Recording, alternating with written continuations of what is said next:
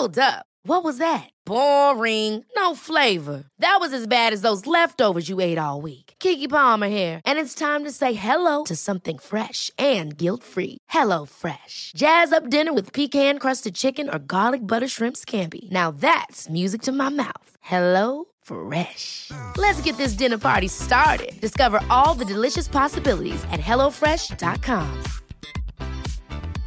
Ready to pop the question? The jewelers at BlueNile.com have got sparkle down to a science with beautiful lab grown diamonds worthy of your most brilliant moments. Their lab grown diamonds are independently graded and guaranteed identical to natural diamonds, and they're ready to ship to your door. Go to BlueNile.com and use promo code LISTEN to get $50 off your purchase of $500 or more. That's code LISTEN at BlueNile.com for $50 off. BlueNile.com code LISTEN. Ja, nu är det bara plattan i mattan Patrik, för nu kör vi! Okej. Hej och välkommen till Vänta på katastrofen! Jag heter Kalle Zackari Wahlström och eh, den andra rösten är Patrik Sellman. Hej Patrik! Hej Kalle. Vad härligt att höra din röst. Vi, vi är ju en, eh, en dag sen den här veckan. Ja, Eh, För att jag var och tränade min unghund i, på älg uppe i Jämtland. hur gick det då? Eh, nej, men det gick ganska trögt faktiskt. Om man ska vara helt ärlig. Det var, det var jättekul att komma upp och jättekul att, få, att hon får kut och så här. Men det var väldigt dåligt med älg. Så, så det var, det var, hon hade inte så mycket att jobba med. Hon hittade, första dagen hittade hon faktiskt en ensam kalv. Men, men det var ganska sent och det var ganska varmt. Eh, var uppåt 15 grader på dagen där. Och så hon kroknade. Eh, så, så det var lite, det blev lite less. Hur gammal är hon då? Hon är ett år. Hon är så pass ändå ja. Men hon, gjorde, hon har gjort jättebra jobb när hon var, hon var liksom, slutet på förra säsongen. Hon var bara sju månader. Så, så hon kan det där. Det är bara... Det är ju sådär med unghundar. De, är- det går ju liksom upp och ner väldigt mycket med dem. Man, man tror att de har lärt sig och sen har de inte lärt sig. Och så, så de går mycket på instinkt och inte så mycket på hjärna. Och eh, sådär. Så just nu är jag lite knäckt men det, det kommer fler chanser. Ja, det är, ja, mina lapphundar, de får man väl säga, får fylla två år. Innan liksom den här, ja, tok. Alltså de kan ju toka ändå och vara roliga och så vidare. Va? Men eh, lappisryck vet alla vad det är för någonting som har svenska lapphundar.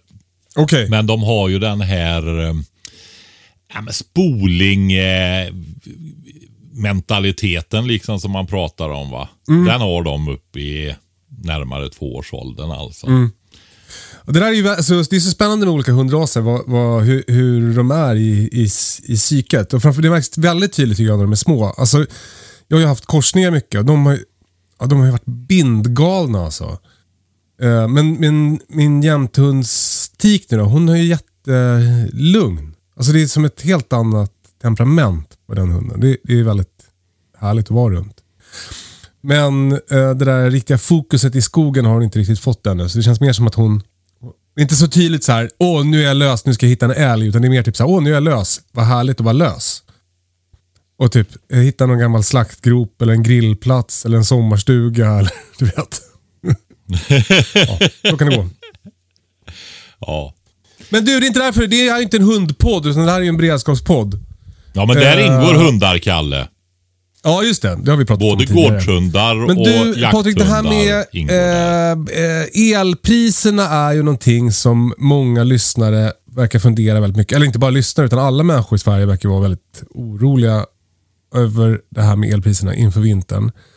Och Vi har ju pratat ganska mycket om det, men, men, men jag, jag tycker att vi ska påminna lite om ehm, åtgärder som våra lyssnare kan vidta nu för att göra livet lite lättare i vinter. Som en övning i det här med beredskap, kan man säga. Alltså, jag ser ju redan nu att priserna drar iväg på kvällarna när temp- eller nätterna när temperaturen sjunker. Så eh, jag inser ju det att det, kommer, det här med elplanering och sånt där, det blir svårt. Det kommer vara dyr el på nätterna också alltså. När kylan eh, slår till på allvar. Alltså, vi hjälps åt, hela nationen. Vi eh, lägger oss ner och ber att vi får en mild vinter när det blåser som bara den. Kan jag säga. Ja, men för det där tänkte jag fråga om. Så, eh, eh, för elpriserna kommer väl ändå vara lägre om det, är mycket, om det blåser mycket för att vi har mycket vindkraft? Ja, och elförbrukningen minskar ju dramatiskt om det inte är så kallt. va? Just det. Alltså, men så om man eh, ska ladda sin elbil till exempel, då ska man göra det en, en blåsig dag. Kan man säga det? Ja, det, jo men det är ju så. Eller värma varmvatten. Då får du duscha kallt tills det blåser. Åh herregud. Stackars alla. Nej, men alltså det är ju ett bekymmer det där. Jag eh, försöker ju eh, komma på grejer. Jag har hittat, alltså så, så här är det också. Eh, många är ju nervösa inför vintern nu. Men det här är ju ett problem som kommer att bestå ett bra tag. Va? Alltså, Så jag tänker på sommaren nu så har det ju visat sig att det är lägre temperaturer på nätterna. Och det tycker jag, det kan man ju tänka på. För, och då, det jag har kollat på då, som jag kommer att göra där, det är att där jag eh, har möjlighet så kan man sätta in timrar och sådana saker.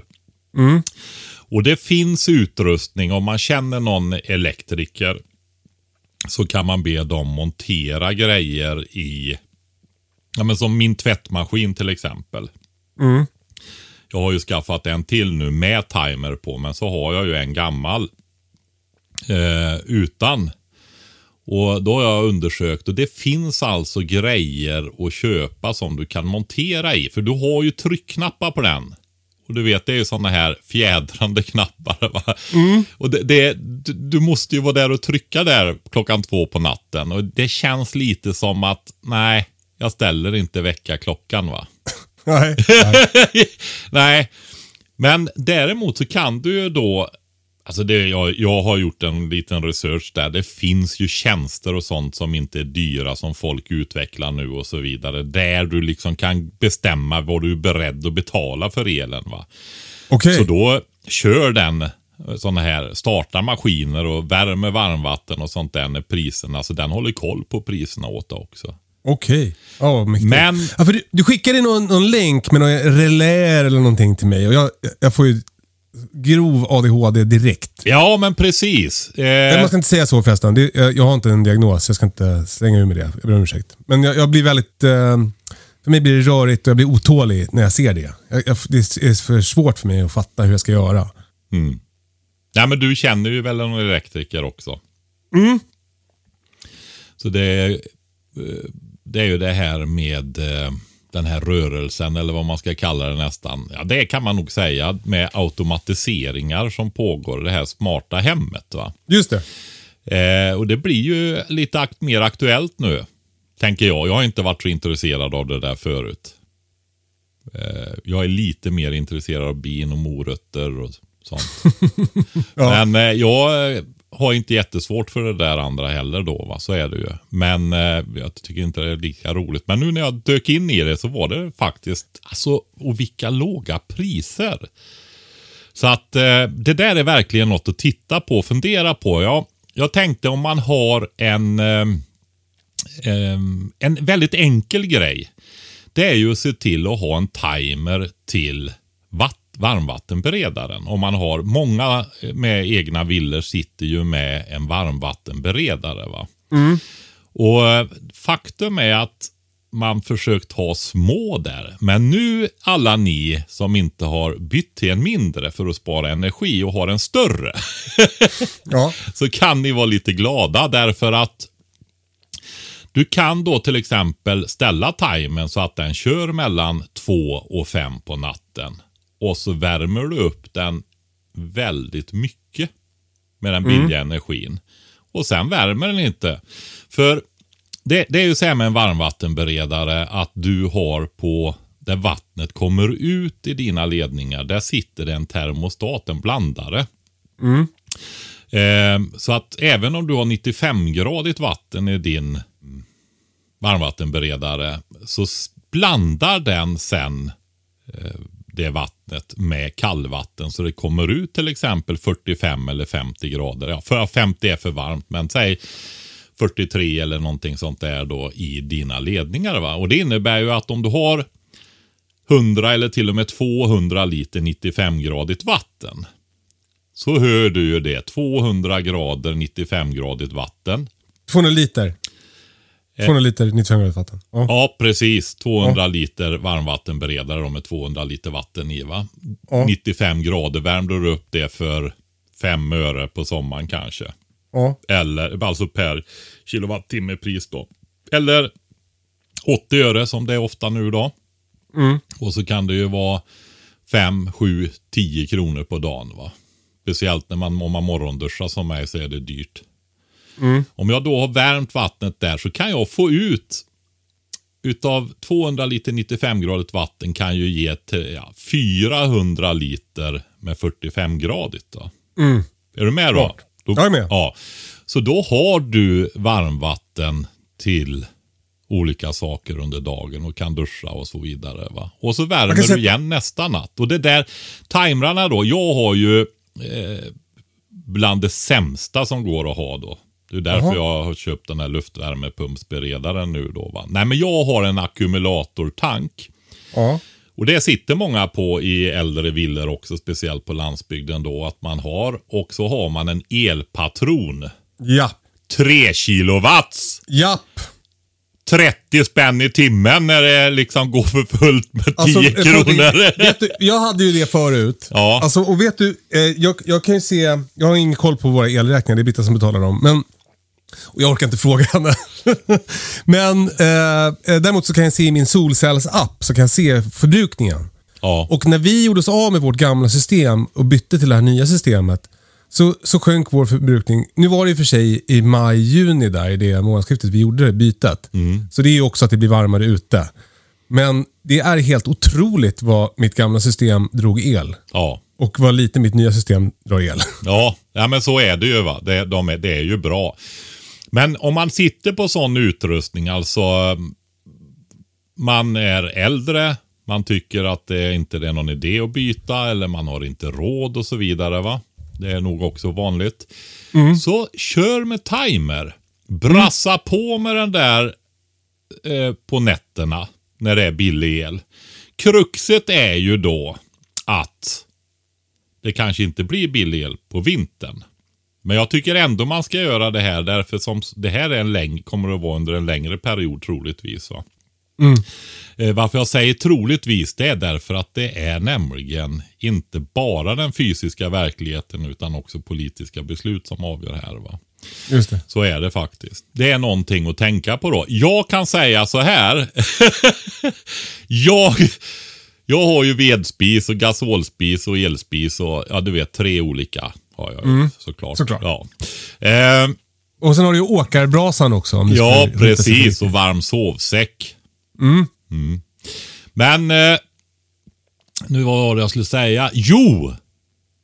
Alltså, det finns ju små elektriska pumpar med duschar till. För oss som är eh, eh, mentalt beroende av morgonduschar och sånt. Ja. Och eh, de kostar några enstaka hundralappar. Okej. Och det är ju Alltså någon typ av campingdusch? eller? Ja, det är det. Alltså, Ja. Självklart så laddar du ju då med USB, va? Eller hur? Det är som en liten klump som har ett batteri och en pump och så en slang och så ett duschmunstycke. Och du kan sätta upp den om du vill då, va? I stången i duschhytten eller ute i ett träd eller på en bil eller vad du vill om du är ute och campar med bilen. Den, den är, kostar ifrån 400 till 600 någonting sånt där. Va? Men det innebär ju i princip att du kan ju värma varmvatten på spisen. Eh, vedspisen alltså. Och gå och duscha. Skitsmart. Alltså om det nu, för det kan ju vara överraskande för många att höra sånt där resonemang. Men verkligheten är faktiskt sån nu att eh, även i zon 3, zon 4 är ju ännu värre. Alltså södra delen av landet och halva Halland och halva Småland och Skåne och Blekinge. Vilket zon, vilken zon är du? 3, jag är samma som dig. Jag har tre också. Mm. Jo men det är det. Det är Göteborg och jag tror Värmland och Dalarna och så över på andra sidan. Då. Mm. Men eh, och så ner då till zon 4 där nere. Halva Halland och Småland också. Men eh, alltså den bistra verkligheten är ju så här att vi ser ju redan även i zon 3 priser på över 10 kronor va? vissa timmar. Och eh, man ser nu också att priserna stiger på nätterna när det blir kallare på nätterna. Va? Och eh, ja, Nej, alltså det, kom, det som jag sa, min elpatron. Om jag brassar på med den i en timme och värmer vatten. 30 spänn. Ja, det är ju mycket pengar. Ja, men tittar du på eh, eh, förbrukningar och så tittar du. Många kanske ligger kvar i lite äldre hus på 20, 25, 30 tusen kilowattimmar. Va? När det kryper upp på 10 och i snitt då. Vi ligger ju redan på 6, 7 och 8 vissa dagar. va.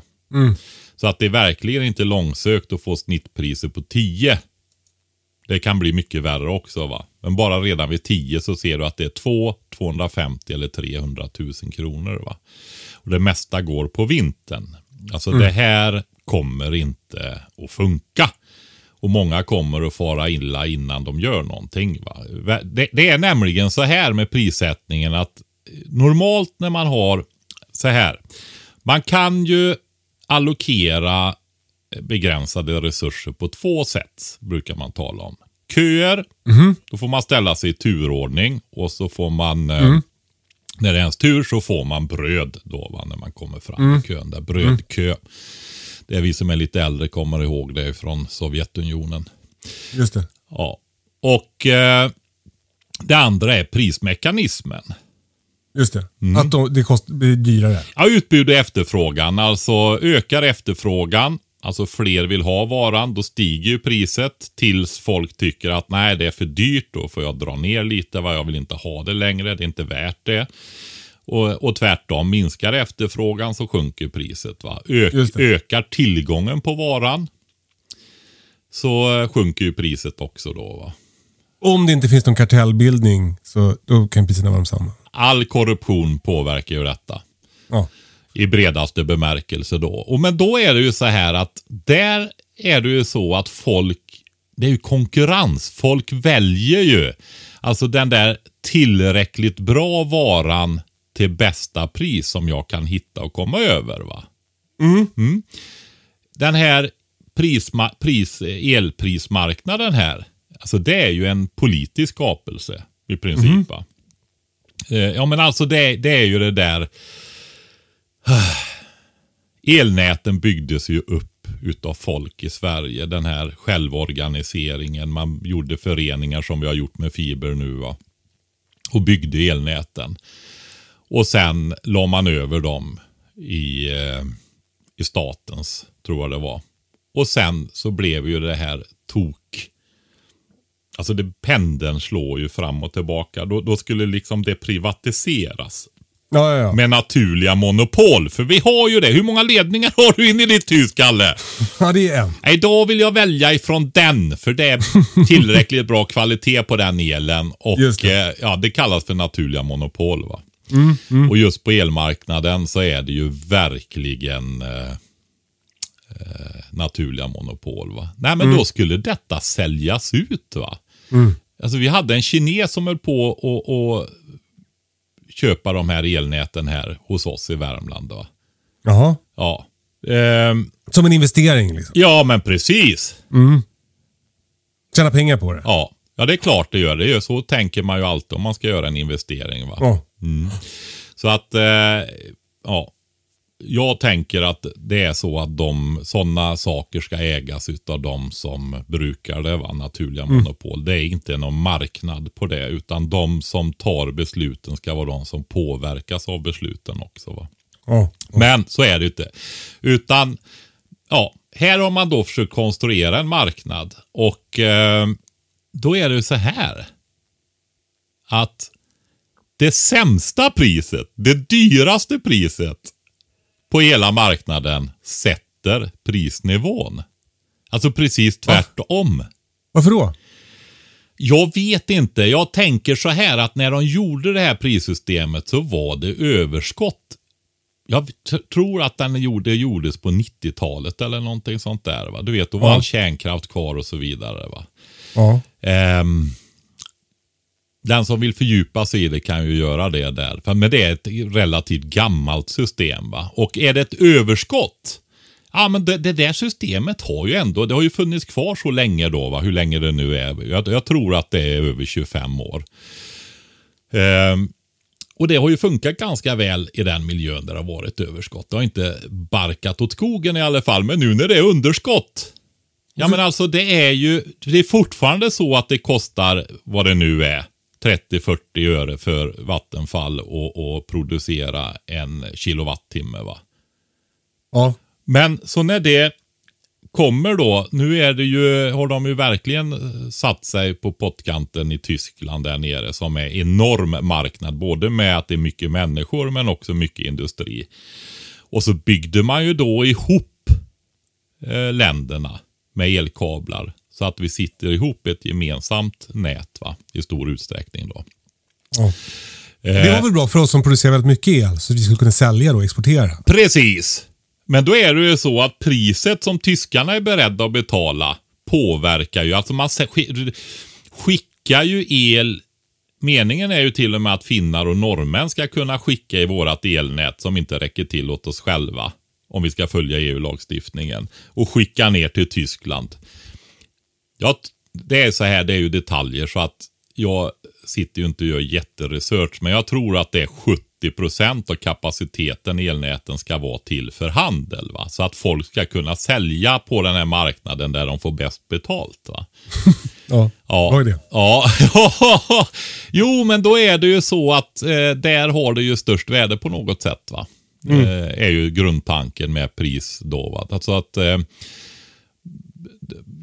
att be, behövs det mycket på ett ställe så ökar priset. va? Att det är underskott där och då kommer marknaden att förse dem med. Är ju tanken då med prismekanismen. Va?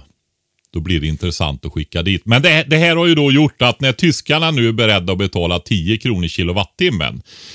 Så kan man väl säga så här att det blir mycket skatt i finansdepartementet. Och det blir väldigt mycket pengar till bolagen.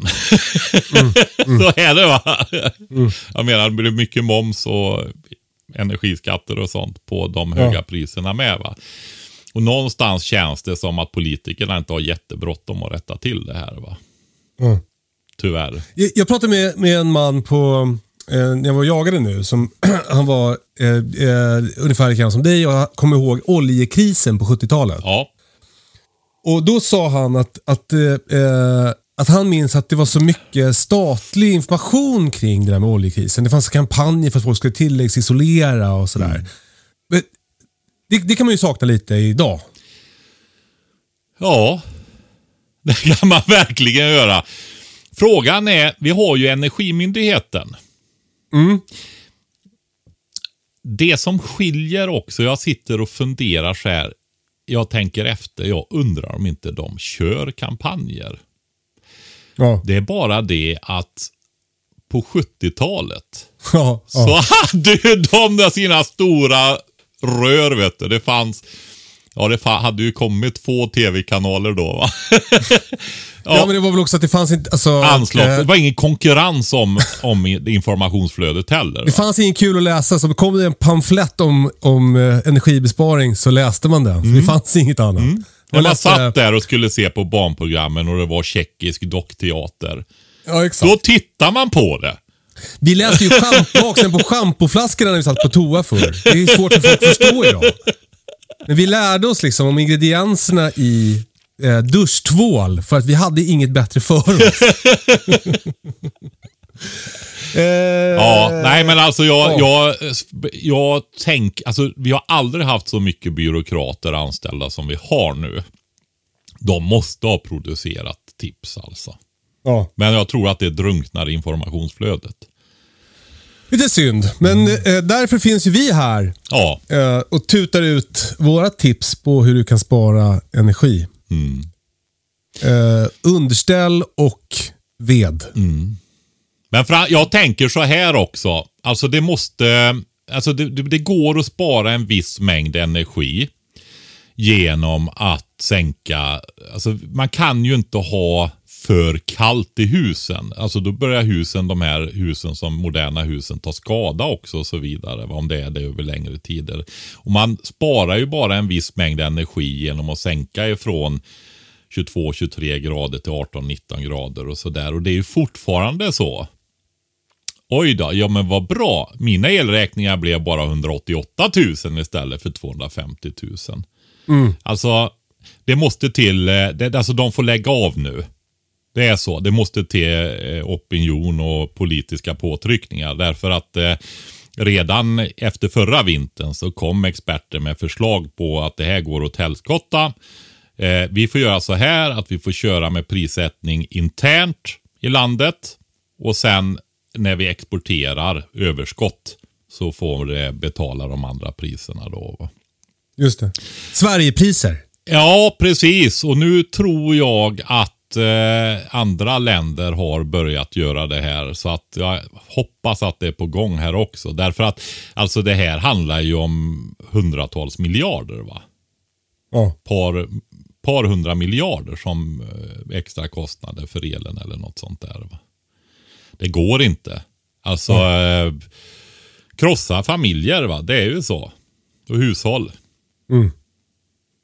Och, eh, eh, vad, vad segt. Eh, eh, till er som lyssnar så eh, eh, vill jag uppmana er, om du har något smart tips på hur man kan spara energi.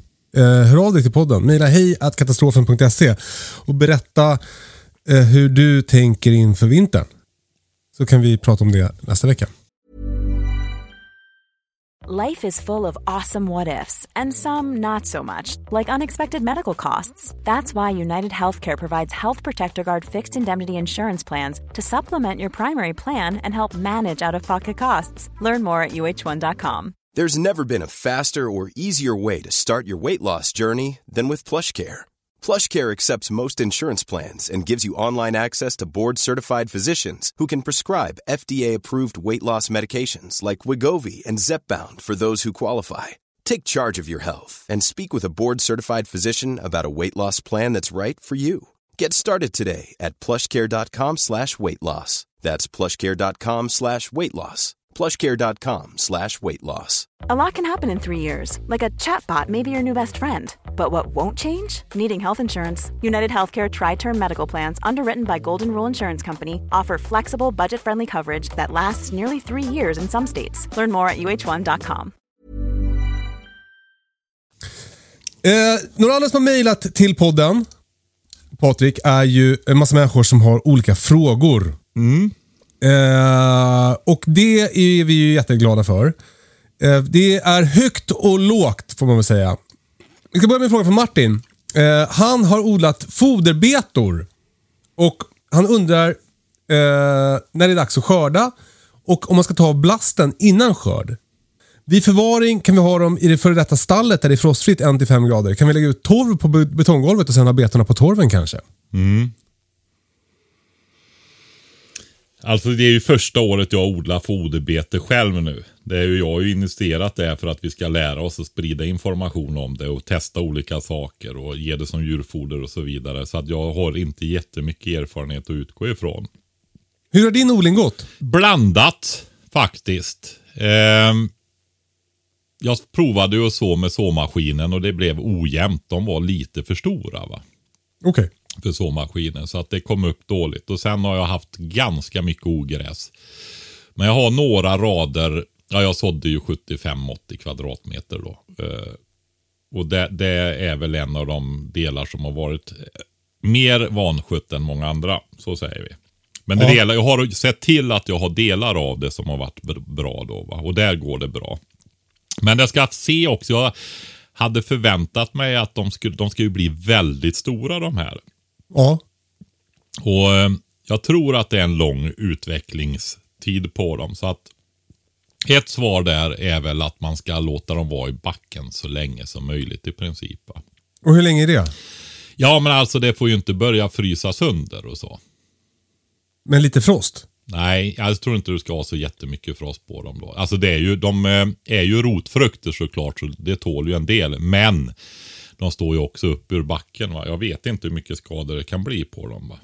Men eh, mycket rotfrukter växer ju, om vi tar som vintermorot och sånt där, de växer ju bra det sista och lagrar upp energi. Va? Så att eh, jag misstänker att kommer, man kommer att få se en tillväxt här under september på de där. Va? Så, så då är svaret alltså eh, skörda så sent som möjligt Mm. beroende på var de bor då såklart. Ja, Eh, som, och, som en grundgrej, alltså att utnyttja växtsäsongen. Så att de bygger upp så mycket energi som möjligt i roten då. Och, och nästa fråga då, eh, förvaring i stallet, är det frostfritt? Alltså det här är ju en, vad ska vi säga, jordkällar.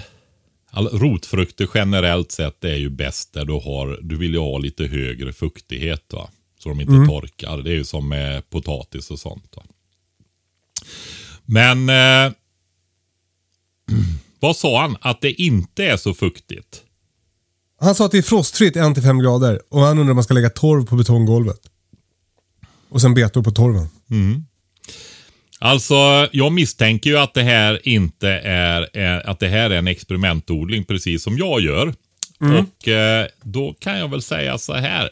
Testa där och så berätta hur det gick då. Och kanske vettigt att testa både med torv och utan torv då, för torven suger väl åt sig fukt. Ja, det gör den om du inte har den i en... Eh, ja, den suger ju åt sig alltid, men du kan ju få en jämnare fuktighet. Att den kan hålla fuktighet också om man har den i en behållare. Va? Ja, ja. låda eller någonting. Då. Så eh, det skulle han ju kunna testa om man har tillräckligt många. Att han faktiskt har en låda med torv i och lägger foderbetor i. Eh, han lägger på golvet i torv. Det är ett stall eller någonting sånt där. Han har gott om torv. Och så kan han ju lägga bredvid som referens också då. Får man föreslå en stuka också? Ja, det kan man ju göra om man har mycket. Så kan man göra det. Stuka är ju att du eh, gräver ner dem och täcker över dem med eh, halm har man ju använt historiskt eh, mycket för att täcka över stukan då. Och sen jord över och någonting som är lite som ett tak. Att, du, att det inte regnar in i den då. Va? Så eh, det kan man ju testa också. Bra tips till Martin. Eh, lycka till med dina foderbetor Martin. Nästa fråga kommer från Roger. Eh, han skriver så här. Utanför vårt stall så står ett vårdträd, en gammal oxel. På våren när den blommar så är alla bin och humlor som flyger runt den i, nästan, eh, i den nästan öronbedövande. Gud vilket härligt ljud. Problemet vi har är att den verkar vara på väg att nå sitt livs ände. Det är inte riktigt där än, men när dagen kommer så finns det risk att den välter mot stallet och skadar detta. Vi funderar på att fälla trädet innan det ramlar, men drar oss för detta just på grund av mängden humlor och bin som trivs i det. Vi vill även i fortsättningen kunna erbjuda alla insekter någonstans att hämta mat, så vi funderar på, på att köpa ett träd som redan är ganska stort för att spara några års väntan på tillväxt. Stora träd är dyra träd. Därför vill vi, inte, vill vi inte bara köpa ett på måfå, vi- vi ville fråga er vilka träd ni tror skulle vara ett bra alternativ till vår oxel. Mm. De kan såklart ha en annan oxel, men omväxling förnöjer, så andra alternativ tas tacksamt emot. De bor i sydöstra Småland. Om vi tolkar växtzonskartan rätt så bor vi i zon 3-4 och jorden består av sten. Ja. Det där är ju segt, att bo i växtzon 3-4 men bo i elområde 4. Ja, Då har man liksom kallt och dyrt. du jag tror de har eh, zon 5 också när du går upp mer på höglandet där. De är förmodligen på sluttningen ner ifrån höglandet och det är ju en stor platå stora delar av Småland. Ja, jag, jag, var- jag, var, jag körde igenom där i somras. Det var ju otroligt mäktigt med Småländska höglandet. Jag har aldrig varit där. Jag har bara hört det på väderleksrapporterna. Men, men det var ju så, det kändes ju som att man kom till Norrland plötsligt. Ja, men det är ju det. Det är ju är absolut. Eh, jag glömmer ju aldrig när jag åkte över småländska höglandet här ner till en kursplats just i sydöstra. Och eh, alltså, jag tror det blev 6-7 grader på sommarnatten där uppe på höglandet när jag åkte Ja. över. Och det, det, då var, hade det varit riktigt varmt under dagen va. Ja. ja, men vad säger du då? Vad, vad, vad ska de ha för träd? Det finns, alltså man kan, de vill ju ha något annat än det de har haft då. Och, Jag vill också säga till lyssnarna då, det här med vårdträd. Det var en grej som jag inte kände till innan jag flyttade till gården. Så det kanske är många av er som inte heller har hört det uttrycket förut. Men vårdträd är då liksom en, Eh, som en ett här, eh, klassisk grej man, ha, man har på sin lilla gårdsplan så har man ett stort träd då, som är liksom det som är i ögonfallande. Det som, det som tar mest plats på gården kan man säga. Ja, det är en bra generell beskrivning. Ofta är det ju ett som står framför entrén på huset, på gården till och med. Många gånger så har du ju en rundel runt den där du kan köra med hästvagn eller bil numera då. Också. Just det. Så att den, den står liksom framför huset, det där stora trädet där. Det brukar man kalla för vårdträd. Finns säkert lite bredare också, så som du sa. Men eh, det är nog en av de vanligare platserna då. Med viss förskjutning i sidled. Men alltså det, det, träden är jätteintressanta för insekterna. Och det är en av de grejerna som gör att de är intressanta. Det är ju det att de är stora och det blir stor tillgång på foder, alltså nektar och pollen när de blommar. Men de, också det här att de har ju djupa rotsystem. Vad är utmärkande för sydöstra Sverige när det gäller klimatet där, eller ska vi säga vädret då? Försommartorka va? Eh, nu tror jag ofta det är att det är vatten i marken kvar på många ställen efter vintern. Eh, ganska länge på våren där. Men är det så att det blir för lite vatten, att det inte kommer någon nederbörd, så kommer inte växterna att ge någon nektar. Pollen brukar ofta finnas i alla fall när de blommar, va? men de sparar in på, det går åt vatten, det är ofta 60, 70, 80 procent vatten i nektar. Så att de går över i överlevnadsmod och lockar inte till sig insekter i samma utsträckning. Va? Men då står träden där med sina djupa rötter och kommer åt vatten i alla fall. va. Ah, smart. Så de är jätteviktiga. va. Det kan man ju tänka på. Och Jag skulle... Ett av dem, alltså säljen då, det är ju en, en, en eh, träd slash buske. Och det är kanske inte den man brukar ha som vårdträd. Så den tänker jag att jag hoppar över. Men den är väldigt viktig och den är ju tidigt då. Det kan ju i de varmaste lägena så kan de ju tidigt i april. Jag vet inte om de till och med kan blomma i mars i vissa delar av landet. Ja, för Men det där vet jag att du har pratat om tidigare, att sälen är så viktig för, för bin eftersom den är så tidig. Ja, men precis. va. Eh, oerhört avgörande för hur det ska bli resten av säsongen då för insekter och så. Och eh, får du bra säljdrag när du är biodlare, ja då får du en väldigt bra start på, på säsongen, så är det. Men sen är ju lunnen en som kommer tidigt. Det är ju ett vackert träd också. Och den är i maj. Men då är det ganska mycket annat också som blommar. Alltså, ja du vet fruktträden, maskrosor, rapsen eh, och så vidare. Så det, det, är, det är inte... Det har ju liksom kommit in i högsäsongen på något vis. va. Plus att det Ja. oftast inte är brist på vatten i maj då. Men sen har du i andra änden då i slutet på säsongen så sista trädet ut är ju linden. Och lindar är ju också väldigt, väldigt vackra träd. Det är ett krux med lind. Ja, det blir kladdigt under dem va? Ja, det kan det bli. Men det tar 25 år innan de blommar va. Okej. Men jag har planterat 10 lindar i alla fall. Ja, ja, snyggt. Mm. Men Det är en del av mitt motstånd mot kvartalsekonomin också. Det här att Någonstans måste man ju börja. Ja, men också det här att göra saker som faktiskt inte ska ge resultat med en gång. va. Utan Åh, tänk om fler tänkte så Patrik. långsiktig avkastning. Se om jag får någon lindhonung innan jag dör. ja. Men så du tycker lind? Alltså den är ju... Ja, det är ett alternativ för den är också väldigt viktig i och med att, nu ska vi se där. Jag skulle tippa på att han kommer in i juli i alla fall. När den blommar va. Och, Alltså juli 2047. Ja, men... Eh,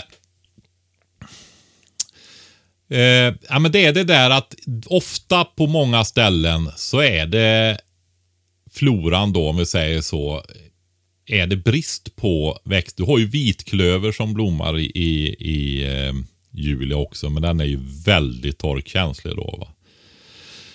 Så ehm, alltså lindarna där är viktiga som bara den. Så är det. Så att om man då kanske vill ha ett annat vårdträd. Kastanj är ju ett annat då, hästkastanj. Gud vad kul att du, alltså både lönn och kastanj är de vårdträd som jag har haft i mitt liv. Ja, När jag växte upp hade vi kastanj och eh, i torpet som vi hade innan vi flyttade till gården, då hade vi lönn. Och så, så jag, jag har varit jättenöjd med båda. du har tyckt om dem ja. Och just det där, så, alltså stå under dem och, och det är som att det vibrerar i hela kroppen nästan för så mycket humlor. Och, Ja. jättefint. Där och kastanjens, vad ska vi säga, de här koniska stora blommorna är väldigt vackra också. Ja, väldigt vackra. Eh, så det är ju någonting. Men eh, jag tycker ju att man kan plantera mer lindar. Men då kanske man, vill man ha ett vårdträd som blommar lite tidigare då så kan man ju ta något annat där. Men så kan man plantera lindar på andra ställen. Och överhuvudtaget, jag tycker att eftersom man är inne i det här tänkandet så tycker jag att han ska satsa mer på det där med en mer levande trädgård. Ja. Alltså fler träd och, och buskar och blommor och perenner och så vidare just för insekter som blommar på olika delar av säsongen. Och det, det man kan försöka göra också det är, ju- det är ju då att ha täcka upp liksom eh, om vi ska ta det enkelt, annars så inte alla behöver fördjupa sig över de lokala förutsättningarna väldigt mycket. Nej, men man kan ta och titta hur ser det ut här i våran. Är det så att det blir luckor i tillgången på nektar under säsongen så kan man ju faktiskt försöka fylla upp där. Men annars är en bra grej att man tar det som blommar tidigt eller det som blommar sent. För där brukar det Ja, tunnas ut då va. Så sent blommande eller tidigt blommande då. Säg några till grejer som blommar tidigt då. Sälj. Alltså du har ju lökväxterna. Ehm, Alltså tulpan. ja, jag tänker väl mer på ehm, ännu tidigare Krokus. krokus, snödroppar. Eh, kan vara påskliljor och sådana saker också. Ehm, ja, Och sent då? sent där har du mycket örter och så. Alltså mynta till exempel Ja. är en ypperlig sådan. Ja, bra. Och den är väldigt bra att ha runt sina fruktträd och så också. Om man inte behöver ha en så fruktan, alltså kan tänka sig att det inte är bara raka linjer då. Eh, många är ju rädda för myntan för att den sprider sig. Ja. Men eh, slår man gräs och så runt, om man tänker sig att man odlar runt ett äppleträd eller päronträd eller någonting sånt där, så eh, tryck, det konkurrerar ut gräset i stor utsträckning. Och gräset är någonting som det är bättre om träden slipper att ha runt sig. Speciellt när de är lite yngre då. Men slår du runt också så håller du ju myntan innanför där då. Har, har ditt får rymt igen nu? Ja. Hör, hörde du det i bakgrunden? Ja, jag hörde det. Jag, en fårägare till en annan. Jag hörde direkt om det är ett får som har rymt. Den där, den har liksom lite panik men också lite peppade. Mä! Ja. Ja. Ja, men eh, behöver du ta hand om det nu eller kan vi vänta? Nej, nej, nej. Den går här ute. Det är lugnt. Ja, skönt. Men du, eh, bra. Då har vi svarat på den frågan. Eh, ja, jo, jag undrar en grej om kastanj. Ja. Eh, kan man göra, alltså, om man har kastanj, det blir ju väldigt mycket kastanjer. Vad, vad gör man med dem? Eh, alltså vi har ju en fråga till på det där. Såg du den? Med eko, ekollon. Nej. Nej, men det är en bra kombination av din fråga om den. Fråga om bark och ekollon. Det kanske är nästa, nu ska vi se här. Mm, men vi kan koppla ihop dem och gå över där då. För det, det är ju så här att de här både kastanj, du vet man kan ju köpa kastanjer som man kan grilla och värma och så vidare som är väldigt goda att äta, tycker många. Men hästkastanj är ju, det är mycket bitterämnen i den va? Garvämnen tror jag det är. Ja, Och det är ju samma med ekollon. just det.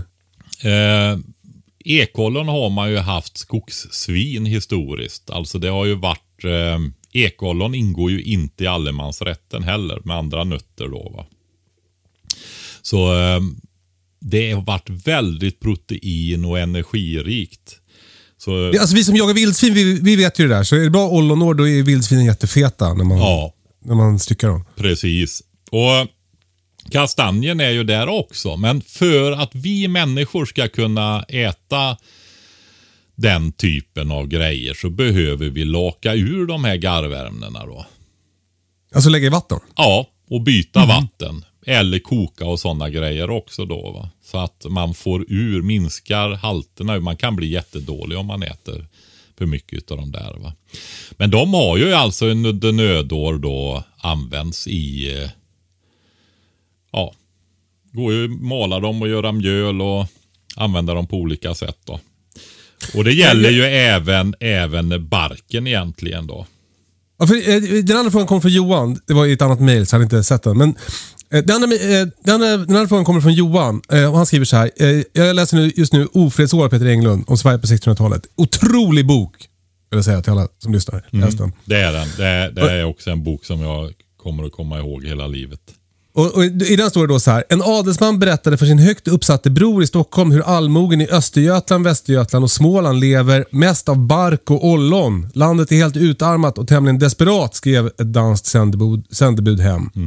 Frågan blir då självklart till er. Hur lever man mest av bark och ollon? Om det är något område där min beredskap är god så är det tillgången på bark och ekollon. Mvh Johan. Alltså det, det får vi säga så här då att det är mycket arbete med, med det. Ekollon kanske man kan säga, alltså det är så mycket ekollon, mycket ekollon. Så att där blir det ju lättare att samla ihop också. Men eh, Ja, men kastanjer är också lätt att samla ihop under sitt kastanjeträd. det är de. Men man måste ju locka drivor. ur dem och hålla på då va. Så att, eh, Men kan man använda det som djurfoder var min fråga. Alltså, jag vet inte hästkastanj om det funkar till grisar. Ekollon gör ju det. De klarar Ja. ju de eh, bitterämnena där. va. De gör ju det tydligen. Eh, vet inte. Det får researchas. Men eh, av den som är intresserad. Men eh, det här att leva på bark och ollon då. Det är ju just det här som jag beskrev. Alltså, det finns inte mat. De får inte ihop sina kalorier. De svälter. Eller också så är det ju så här att de vet att skörden blev dålig. Vi kommer inte att ha mat. Det räcker i februari, mars, april och innan det kommer ny mat. va? Då Eh, eh, går man jag ut och skördar sånt här för att blanda Jag, ut. jag eh, googlade Ja. snabbt. Eh, är giftiga för människor och flesta andra djur till skillnad från eh, eh, frukter av äkta kastanj. De är dock utmärkta vinterfoder för hjortdjur. Hjortdjur, okej. Ja, Ja, Har någon man- måste ju kunna äta dem i alla fall. Va? jag tycker ju det. Man kan också göra ett eh, handfettmedel av malda kastanjer. De löser fett. Ja, ja, då är det mycket saponiner i dem. Men eh, det går inte att behandla dem på något sätt så att det går att äta då. Det står inte det.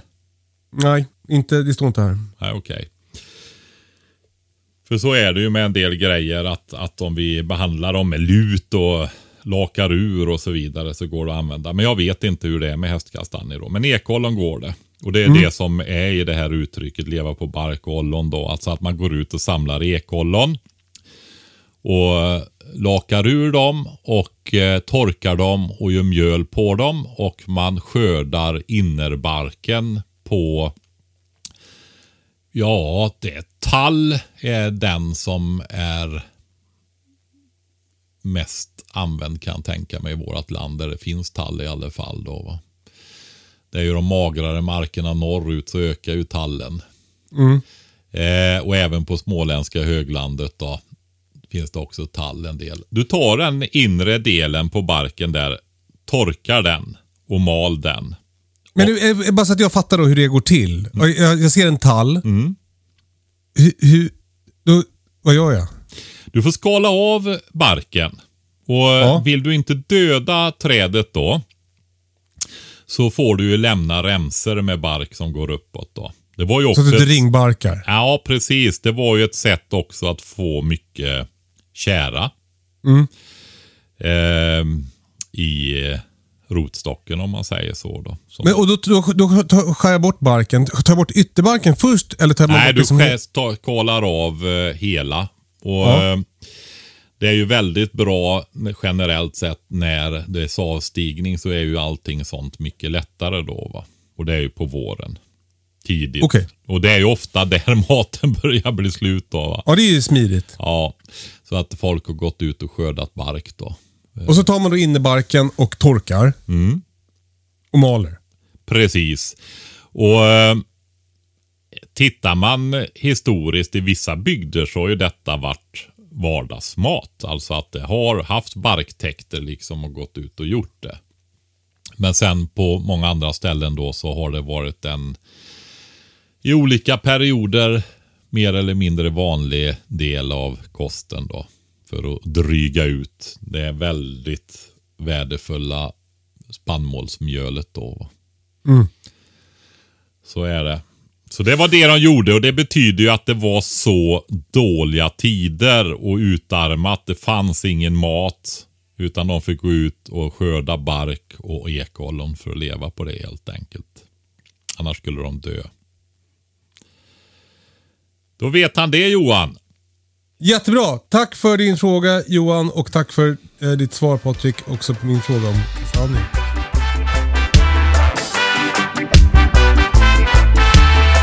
Mm, en som funderar över det här med eh, eh, elpriserna är Tommy eh, som skriver att han har köpt ett litet elverk som backup. Eh, han har ett barn med diabetes typ 1 och därmed beroende av insulin för att de ska överleva. Det är en medicin som har en månads hållbarhet i rumstemperatur. Därför är tillgång på kyl ett sätt att vinna viktig tid för att de ska klara en temporär kris. Hans elverk heter Champion 2200 watt Dual Fuel. Som alltså också går att köra på gasol. Det lät ju bra. Eh, en tanke som slog mig häromdagen. Hur dyr måste elen bli för att det ska vara lönsamt att köra luft, luftvärmepumpen, varmvattenberedaren och så vidare på elverket? Jag förstår att det finns många variabler, men det hade varit intressant att höra ett resonemang i frågan. Och vem kan svara på det bättre än Nestor? Ja, men alltså, ja, det är ju så här. Det finns jättemycket folk som kan svara mycket bättre på varje fråga. Min styrka är ju att jag kan svara på många olika frågor. Och att du är så himla älskvärd. Okej, tack Kalle. Åh, åh. Jag är inte expert på nästan någonting. Eh, jag är expert på bredd möjligtvis då. Så är det. Alltså det är en väldigt bra fråga det där. Jag har ju själv funderat på det där. Och eh, Man får väl titta på, det, det, alltså det, som man säger, det är ju många variabler då. Vad kan jag köpa gasolen, bensinen, dieseln för och så vidare. Eller om jag har ett lager, vad jag har betalat för den. Men jag, Bensinpriset har ju gått ner rekordmycket nu. okej. Jag läste någonting i morse om det. Att det, det, här är liksom, eh, det har aldrig skett ett sånt kraftigt prisfall så snabbt. Eller sen bla bla bla. Mm, får passa på att tanka nu då. Gör det? Ja. Ja, med tanke på att de har, håller på att vinterutrusta, vad är det, 200-300 000 NATO-soldater nu i, i Europa så eh, kan det nog ändra sig fort igen det där. Men, men. Jag själv har ju tittat på det där då. Jag har ju ett dieselelverk, så jag har ju gjort ett överslag där. Om det är ju på 6500 watt, 6,5 kilowatt. Kör jag det i en timme på max så producerar det alltså 6,5 kilowattimmar. Eh, och, Och hur eh, mycket diesel går åt då? Ja men precis, och det mått jag har, oftast så går den ju inte på fullvarv och högsta belastningen hela tiden. Utan då finns det ett mått där man säger så här, att när det går på 60 procent knappt 4 kilowattim, 4 kilowatt då, va? då drar det 1,2 liter i timmen. Och då får jag ju alltså cirka 4 kilowattimmar i runda slängar då. Och så Just det. går det för 1,2 liter diesel. Och då beror det ju på vad jag har betalat för. Har jag betalat 20 kronor för dieseln och jag, då vill jag säga så här att om man har ett litet lager utav sådana här bränslen och så har man köpt det om man har eh, de här dieselsorterna som går att lagra så kanske man har ett, ett, ett, eh, 100 liter eller någonting som står och man har köpt det för eh, 11-12 kronor eller något sånt där för några år sedan. Eller det är ganska, det är ju inte jättelänge sedan. Eh, grejen är att du behöver ju ersätta det där så jag tror nog att man ska räkna på de priserna, dagspriserna som är. Mm. Ja, det låter rimligt. Ja, jag tycker det. För det ska ju ersättas i så fall. För du vill ju ha det lagret i beredskap då. Va? Så säg, vad är det då nu? Jag har faktiskt inte sett nedgången. Jag har Ja, räknat. men diesel tror jag inte har gått ner så mycket. Det är just bensinpriserna som har gått ner. Okej, men eh, säg 25 kronor då. Mm. Och det innebär ju ungefär 6 kronor någonstans där då. Per kilowatt. Per kilowattimme, ja. Och det är ganska mycket. Ja. Så, ehm, men pratar vi 10, 15, 20 kronor kilowattimmen. Om det ballar ur. Så är det, är det ju här halva priset mot 10 nästan. Ja. 10-12 kronor, så är det ju. I mitt fall då, va. Han får göra motsvarande beräkning på sitt. Titta, vad drar den här eh, i timmen? Mm. Eh, gasol och eh, han sa en 2200 och då om han maxar den då producerar han ju 2,2 kilowattimmar på en timme. Då, va? Det är ju 2200 watt. Brukar vara så med namngivningen. Ja. Eh, men säg att han kanske ligger på 1500 då. Och har en, eh, en bränsleförbrukning angivning, angiven på, på beskrivningen på den där. Då. Så kan han titta på det där. Vad kostar det att producera den där då? Eh, det är ju billigare med gasol fortfarande. Men fa- grejen är, det man får... Alltså jag hörde nu att eh, det gick upp otroligt mycket veden. Och det, det är ju så, utbud och efterfrågan. va. Alltså om folk förbereder sig för att betala 10-15 kronor kilowattimmen på el och börjar köpa ved igen. Alla vi som har minskat på vedeldningen för, med våra värmepumpar och så vidare. Va? Eh, ska ut och köpa ved nu. Sent om sidor. Jag, jag såg att, eh, pratade med min syster igår och de kollar ju på sådana här vedsäckar och sånt där där de bor då. På Byggmax eller Bauhaus eller något sånt där. Som har, det har kostat 59 spänn och sånt förut. Någonstans. Ja. Och hon sa att det var ju uppe i långt över 100 kronor nu. Alltså 120-130 spänn eller någonting. Va? Ja, men jag, jag hade ju det. Min, min kompis säljer ju ved. Han- Det förut kostade det 500 spänn kubiken för björkved. Nu kostar det 1500 spänn kubiken för björkved. Ja, 2000 har jag hört till och med. Att Ja. det börjar komma. Och då är det ju sånt som de hugger nu som inte är torr dessutom. För den torra börjar ju ta, ta slut. va. Så... eh, Det är spännande tider Patrik. Ja, det är ju det. Och då, det, grejen är ju så här då. Jag använder ju gasol, eh, men jag använder ju gasol till, som spis under dagen. Sen eh, lagar, nu när det börjar bli kallare också, så börjar vi använda vedspisen med. Vi har ju en sån eh, vedspis som värms upp och lagrar i massa. Alltså en i sten. Så den är perfekt eh, för eh, höst och vår då, de här övergångsperioderna där som är på ett par månader. Just det. Så då, då lagar vi ju middag där. Va? Och nu när jag värmer foder till socker och sockerlag till vissa av bisamhällena då som inte har dratt in tillräckligt med honung. Då, eh, ja, men då gör jag ju det. Då värmer jag upp huset och kokar vatten på vedspisen. Där. Men under dagen då, som när jag ska gå ner och göra lunch här efteråt här, om en stund. Eller det blir väl elva kaffe först. Då, är rimligt. Ja, precis. eh, nej, men då tar jag ju gasolspisen. Och den ligger, jag kommer inte ihåg vad jag har betalat riktigt för den där. Men man brukar räkna någonstans med de priser som har legat ganska stabilt i många år nu på 1,75 upp till 2,50 beroende på hur du köper den här gasolen då och var. Va? Det är marknad så det varierar ju prissättningen där. Va? Så, så alltså vad det kostar att fylla en PC10 eller någonting sånt där då. Va? De här husvagns. Vad kostar det att fylla en sån? 200 spänn.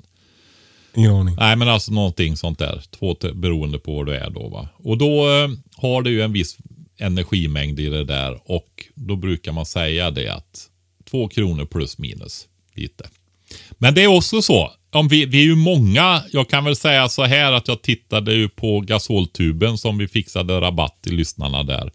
Ja. Eh, fram till månadsskiftet. Det, ja, det var mycket slutstolt där kan jag ju säga. Och det Bra jobbat av oss. Ja, ja det var, det har, vi har väl bidragit en hel del där i alla fall.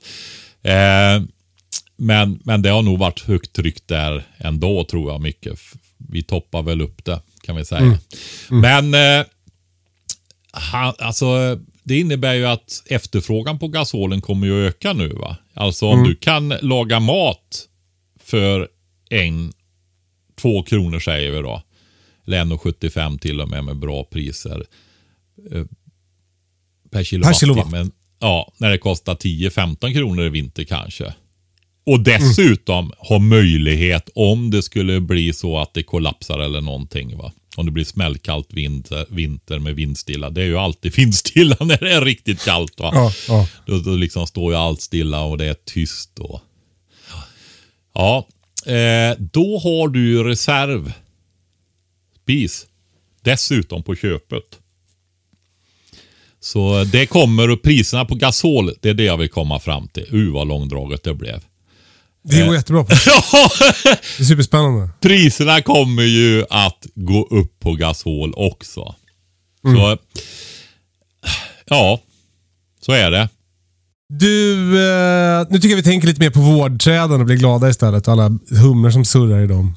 Eh, så vi får tänka på eh, våren när vi är ute på andra sidan från den här eh, stundande krisen. Eh, du, Patrik, tack för idag.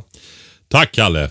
Eh, eh, som alltid är du eh, som ett eh, gyllene uppslagsverk eh, när vi behöver det som mest. Och Tack för att ni lyssnar. Eh, det är jättekul. Tack för att ni skickar frågor. Ni kan skicka dem till hejkatastrofen.se. Skicka också dina bästa energisparstips. Eh, för det är vi intresserade av. Det var bara det. Ha det så bra hörni. Hej då! Hej då.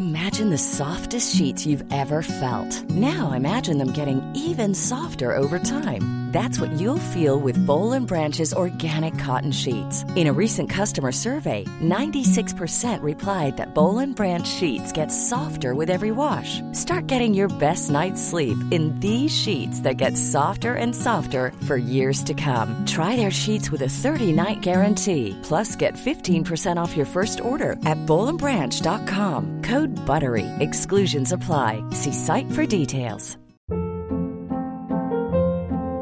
Hold up. What was that? Boring. No flavor. That was as bad as those leftovers you ate all week. Kiki Palmer here, and it's time to say hello to something fresh and guilt-free. Hello Fresh. Jazz up dinner with pecan-crusted chicken or garlic butter shrimp scampi. Now that's music to my mouth. Hello Fresh. Let's get this dinner party started. Discover all the delicious possibilities at hellofresh.com.